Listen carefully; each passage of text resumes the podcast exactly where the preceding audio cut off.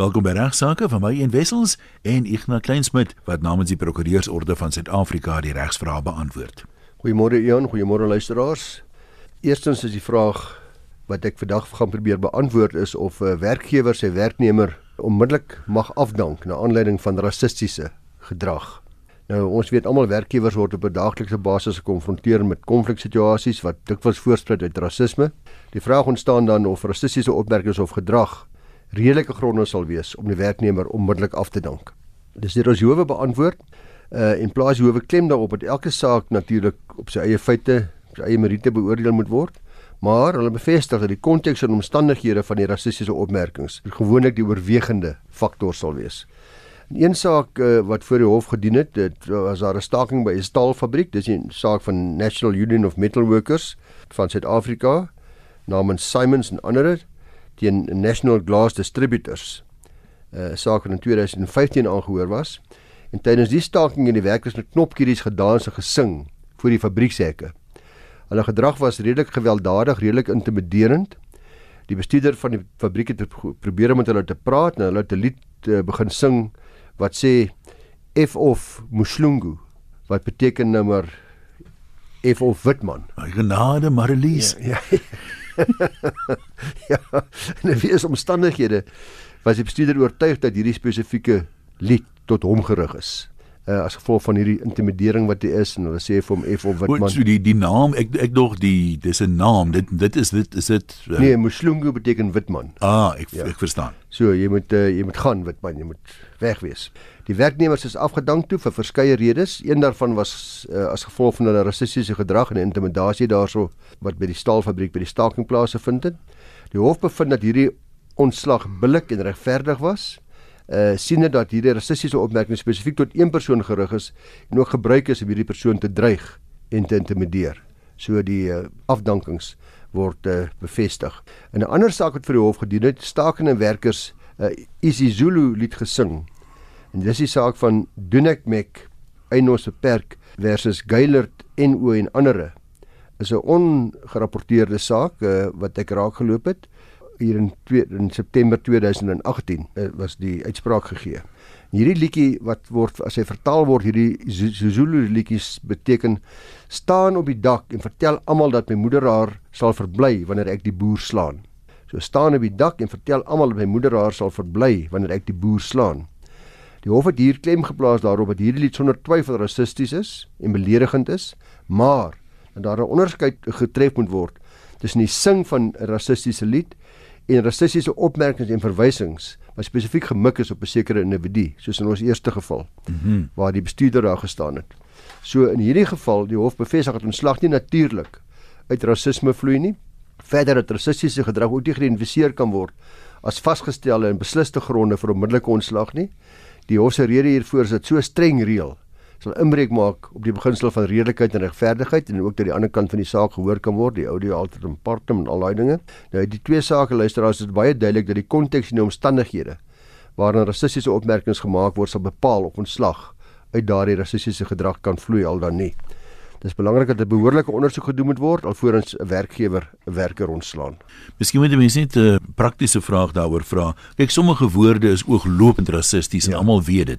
Soms uit die konteks uit dan nou interpretasie wees. As ons praat van onmiddellike ontslag, beteken dit dan nou net nadat die woorde geuiter is, kom ons sê die bestuurder, die persoon in beheer kan dan sê ek fire jou nou, daar gaan jy of moet daar 'n dissiplinêre verhoor van 'n aard wees waarna jy dan se meer ja, nee, ontslaan nee, kan word? Nee, die gewone prosesse sal dan volg. Die gewone dissiplinêre prosesse sal volg, sal CCMA of interne dissiplinêr dan as jy weet en dan dan kan die hofproses daarna volg. Maar interessant Jan, jy het my ek dink jy het my 'n vraagie gevra. Ja, dit het gegaan oor krieket toe Pakistan hier getoer ja, het. Ja, en toe het jy gevra of dit belangrik is as die mens verstaan wat iemand vir jou sê. Kom ons gee net vir luisteraars daai voorbeeld. Uh, ek dink Polokwane het gekolf en hy het 'n paar noue ontkomings gehad, amper uitgebul, bal wat net net by die penne verby is ja. en die paaltjiewagter sê toe, maar in Oerdies. Ja. Sê die paaltjie wagte toe iets in die lyn van uh, swart man, watter gebed het jou ma vandag vir jou opgesê dat jy so gelukkig is? Ja.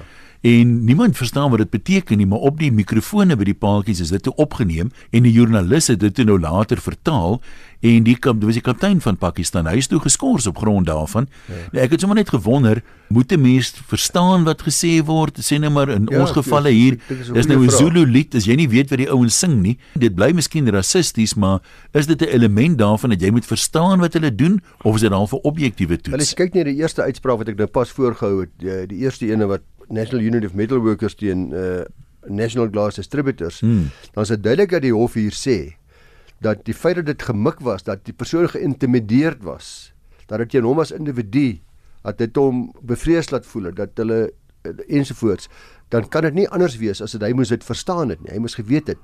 Maar of jy nou suikerbossie sing in Afrikaans en of jy 'n lied sing wat rassistiese haatspraak ja. daarstel, sal net werk as die ander persoon dit moes begryp het. So in dieselfde met die tweede uitspraak. Tweede uitspraak wat die lied nou gesing was, sê ook weer, weet jy wat dit was nie teen iemand gemik nie. Uh nou Laster is 'n baie goeie voorbeeld. Jy kan my nie belaster as jy daar sit in in 'n taal wat ek glad nie verstaan nie. Vir my enige ding sê nie. Ja, so 'n element jy moet in jou eer gekrenk wees. Ek moet my eer gekrenk wees. Ek dit is 'n subjektiewe toets of dit wat ek van jou gehoor het en wat ek verstaan het en hoe ek dit ervaar het of dit my waardigheid en my dignitas en en, en menswaardigheid sou aantas al dan nie. Uh so daar's dit sonder twyfel 'n subjektiewe toets. Ek dink in hierdie gevalle van uh haatspraak is daar sekerlik gevalle waar haatspraak is omdat die die breë bevolking dit verstaan. En ja. ons weet nou al van sekere liedjies wat dit beteken. En wat jy soms sou kry by myne byvoorbeeld van die bestuurders, hy mag wit wees, maar hy het 'n redelike kennis van swart name en goed ja. omdat hy dikwels dit hoor. En nog jy nou kry as hy dit met die knopjie in die hand staan en ja. Uh, en en dreigende houding ensovoorts en daarmee saam 'n liedjie wat baie maklik uh, vertaal kan word en wat al reeds waarskynlik by herhaling al gehoor is, dan uh, gaan dit uh, gaan dit ervaar word as intimidasie en jy gaan bedreig voel deur die rasisme wat daai voorsprei. Ek dink as jy mense kyk na al hierdie gevalle, die goeie praktiese raad is waarskynlik weerhou jouself daarvan om iemand te verwys op grond van sy kleur. Maak nie saak of dit nou wit man of swart man is nie. Dis baie selde 'n goeie ding. Jy kan in die moeilikheid beland. Uitstekende advies. Ons kan nog een inpas in die helfte. Almal onthou die groot nuus en die oproer toe die pastoor van Limpopo sy medelidmate met insekdoder. Ja, ja. Gespuit het en einde hulle van hulle sondes en van al hulle siektes en ja. al hulle kwale en dinge te genees. Hy het hulle genees, het hulle nie verdoem nie. Ja.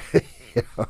Nou uh, dit het baie aandag geniet in die media, maar nie net dit nie, dit het ook uh, gelei tot 'n paar baie interessante regsvrae.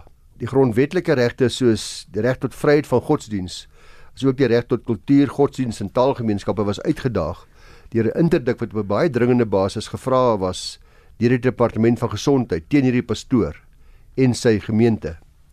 Nou tydens die aanhoor van hierdie aansoek was die hof gekonfronteer met die vraag of die pastoor en sy gemeente se uitoefening van hulle godsdiens en hulle tradisies geloofstradisies val binne die grense van hulle reg op vryheid van godsdiens, hulle oortuigings en hulle menings soos vervat in artikel 15.2a van die grondwet en of waar 'n beperking op hierdie manier van uitoefening geplaas moet word.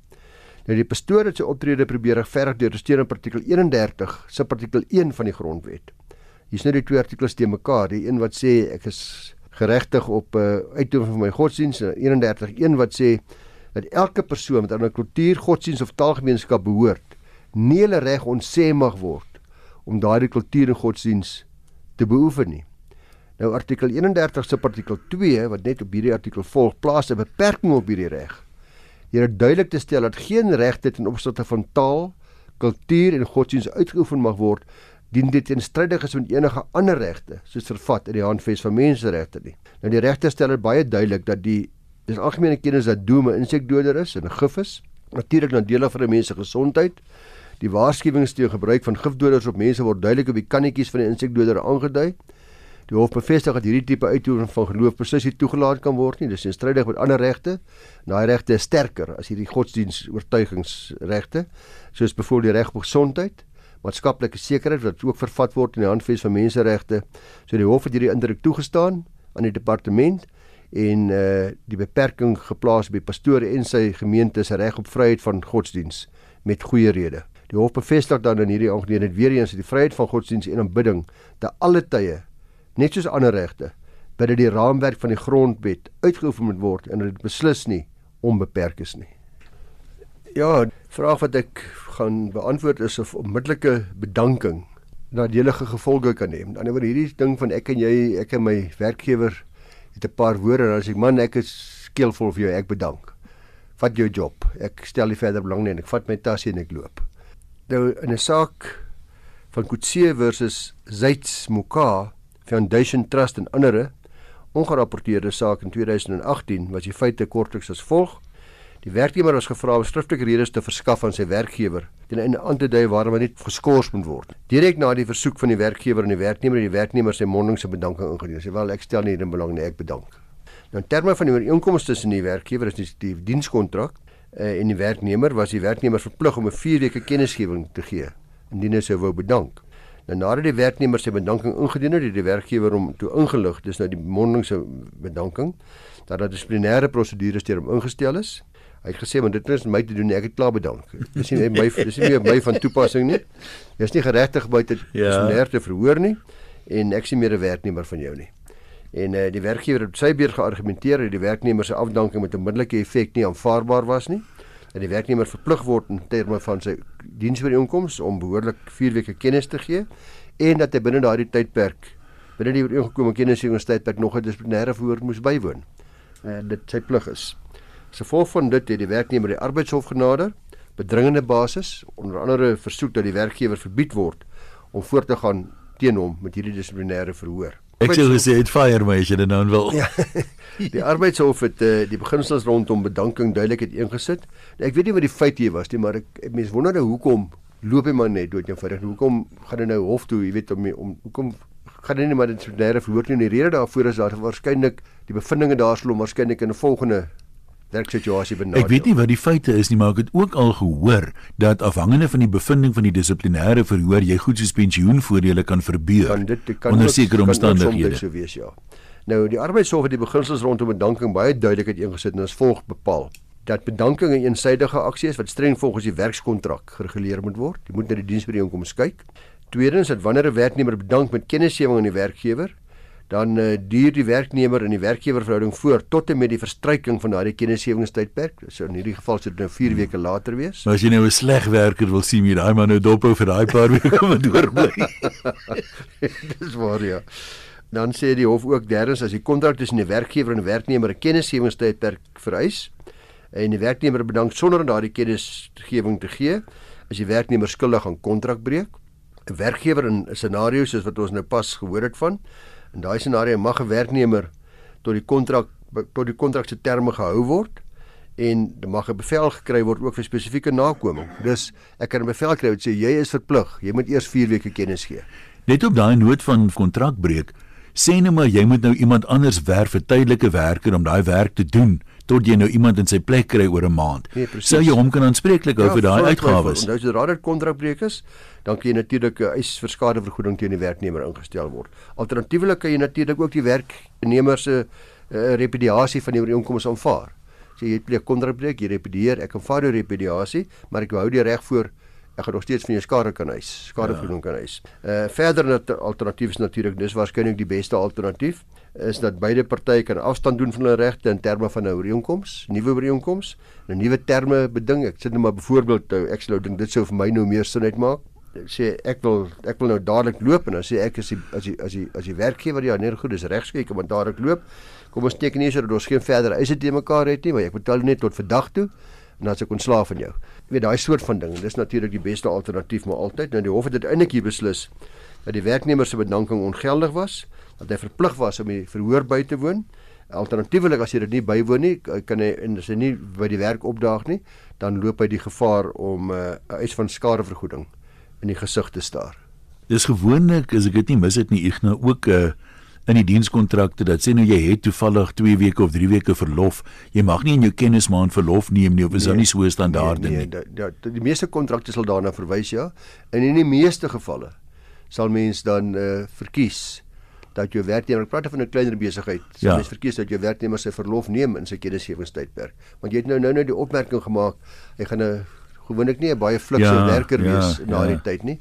Jy kry mense wat nog tot die laaste dag nog oor tyd werk en tot die laaste druppel bloed uh werk en dis Dis wonderlik. baie om te keer die ou wat vooruitdink en wat sê mense Ja. weet nooit wanneer ek 'n goeie verwysing nodig Ja, nie. maar jy kry ook baie gereeld dat jy kan dadelik agterkom. Ja, Uh, as 'n bietjie van 'n verslapping in die laaste Ja, kennisgewing maand ja. Goed. Dan het ons weekie weer by die bierereg uit te kom en uh altyd uh, hierdie groot latynse woorde wat mense vreeslik belangrik klink. Dis die maar dit is wat die aksie se naam is, is die Actio Aquae Pluviae Arkendae.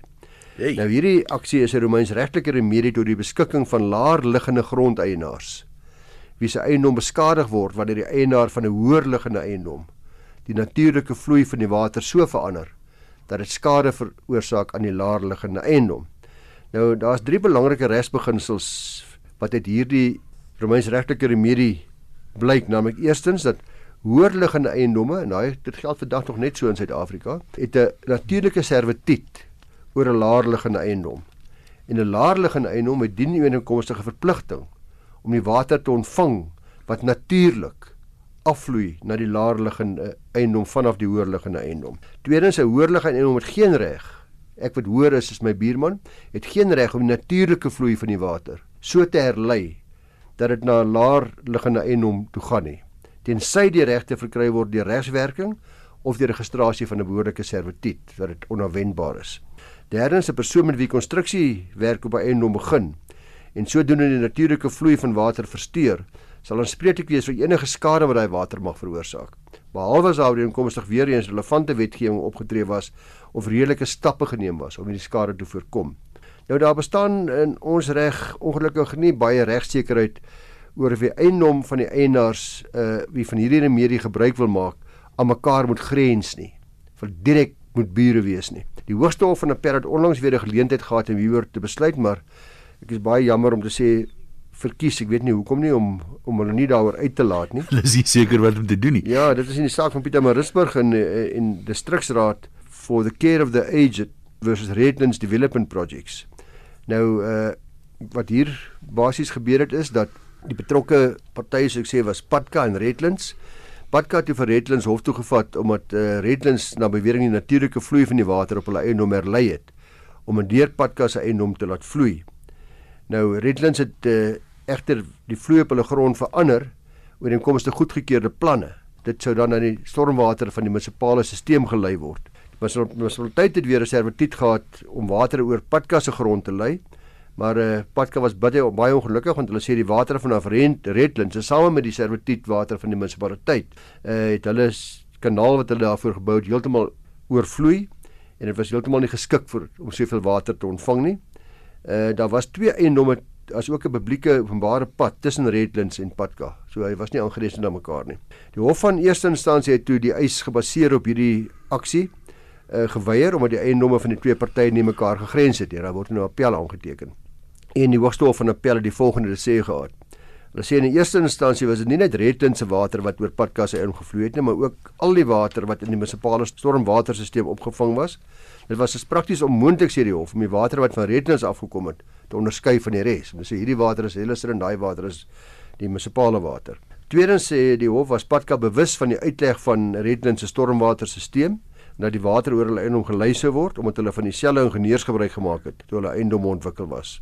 En sê reeds daarom het Patka kanale op hulle eiendom gebou om hierdie water te hanteer.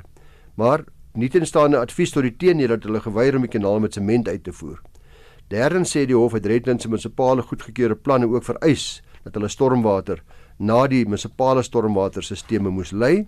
So op grond van al die dinge het die appel op bevind Patka kragtens servituut verplig was om munisipale stormwater te ontvang en dat hulle daarmee saam ook die Redlands water moes aanvaar. Die appel het toegegee dat Redlands die natuurlike vloei van die water verander het, maar dat hulle dit ooreenkomstig goedgekeurde planne gedoen het. So dis goedgekeur so en dit was uh, Redlands het die water dus nie direk na die eiendom net herlei sonder om eers vooraf goedkeuring te kry nie.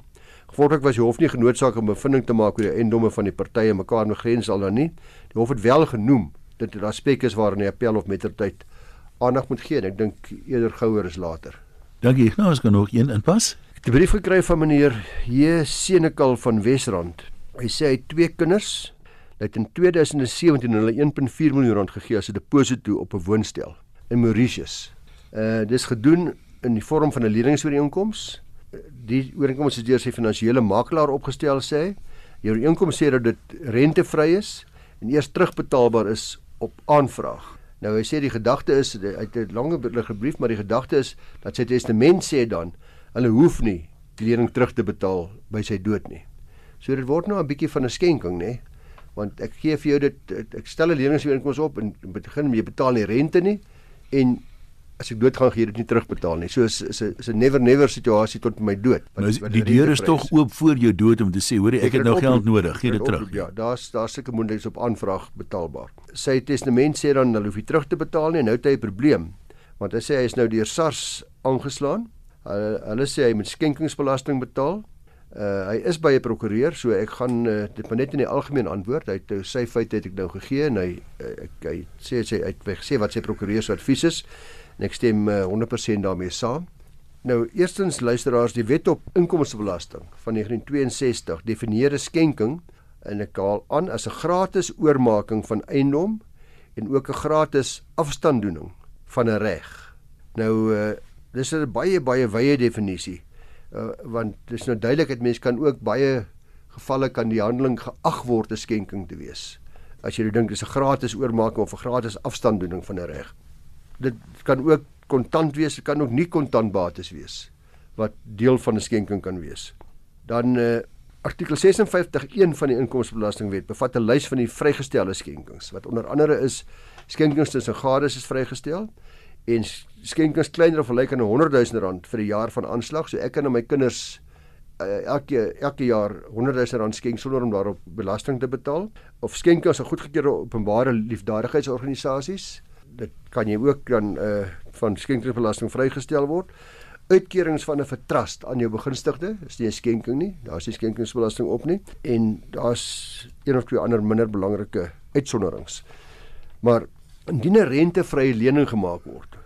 Dis nou wat hier gebeur het. Aan die ander woorde, ek sê my kinders hoef geen rente te betaal nie. Of selfs as ek sou sê, weet jy wat, hulle moet net 1% per jaar betaal. Terwyl ek weet die normale rente is dalk nou 10 of 12 of 15% wat ek nog dit mag wees. As dit laer is as die amptelike rentekoers, dan sal dit ook as 'n skenking deur SARS beskou word. Die koers wat skenkingsbelasting op betaal word, uh, soos ons almal weet, is 20% op die werklike bedrag of as dit eiendom is, die billike waarde van daardie eiendom, die markwaarde van daardie eiendom. En indien die waarde van die skenking bo 30 miljoen is vir mense soos julle eer en so aan as jy nou vir vriende of iewers iets wil skenk bo 30 miljoen dan is die koers 25%. Ja. Ek gee sommer vir SARS al 'n sekere, maar nou net teruggee wat nie nodig is. dan is belangrik om ook daarop te leer dat skenkingsbelasting word in dieselfde koers as boedelbelasting gehef. Want ek sê dit nou, onthou nou, gaan nou by die volgende deel van die verhaal kom. Ek sê dit word vrygestel in die testament. Kinders hoef nie terug te betaal nie. Selfde koers as boedelbelasting en dit is eintlik maar 'n maatreël om te verhoed dat mense nie in jou lewenstyd 'n klomp vir jou bates van ontslaa raak en later net boedelbelasting spaar nie. So hulle vang jou weer by dood. In hierdie geval ook want die Die skenker is verantwoordelik vir die skenkingsbelasting, die persoon wat skenk. Indien die skenker egter nie binne die gegee tydstip die verpligting nakom nie, dan sal albei gesamentlik en afsonderlik hiervoor aanspreeklik wees. So as ek skenk vir my kinders nou geld. Ek betaal nie die belasting, hulle die geld ontvang. As ek nie binne my aanslagtydperk my skenkingsbelasting betaal nie, dan kan die ontvanger my kinders aanspreek daarvoor. Die persoon wat die wat die ontvanger was van hierdie skenking. Aha. Uh, wat nogal belangrik is dan As mens getroud is natuurlik uh, binne gemeenskap van goedere en 'n skenking word deur een die man en die vrou, vrou en die man gemaak, uh, dan word die skenking as 'n skenking van beide gades geag. Dan 50% elk. En indien mens getroud is buite gemeenskap van goedere, uh, so 'n skenking sal dan uh, sal die gade wat die skenking maak, skenkingsbelasting moet betaal. Dit is dan die die die in, in ons geval en hierdie luisteraar se geval van meneer Senekal van die Wesrand is die slegte nuus vir hom dat as die testament sê dat daai skenking word dan nou kwytgeskel. Sê net maar is nog steeds 1.4 om met te begin gaan hy op die rente. Die normale rente wat gaan hy gaan SARS reg. Hulle kan hom daarop belas. Geen twyfel nie, hy moet 20% daarvan moet hy betaal uh, op daardie rente wat uh, wat hy vir hulle skenk elke jaar wat hulle nie hoef terug te betaal nie. En wanneer hy dan nou eendag uh, te sterwe kom en die bedrag is nog steeds 1.4 miljoen rand, dan gaan daardie bedrag by sy boedel gevoeg word as 'n bate in sy boedel en dan gaan hy daar boedelbelasting betaal. Dit is natuurlik 'n veronderstelling dat sy boedel wel uh, boedelbelasting belasbaar is. Belasbaar ja. is ja, dis reg. So uh uiteindelik haal jy ontvanger hom weer teen die einde in.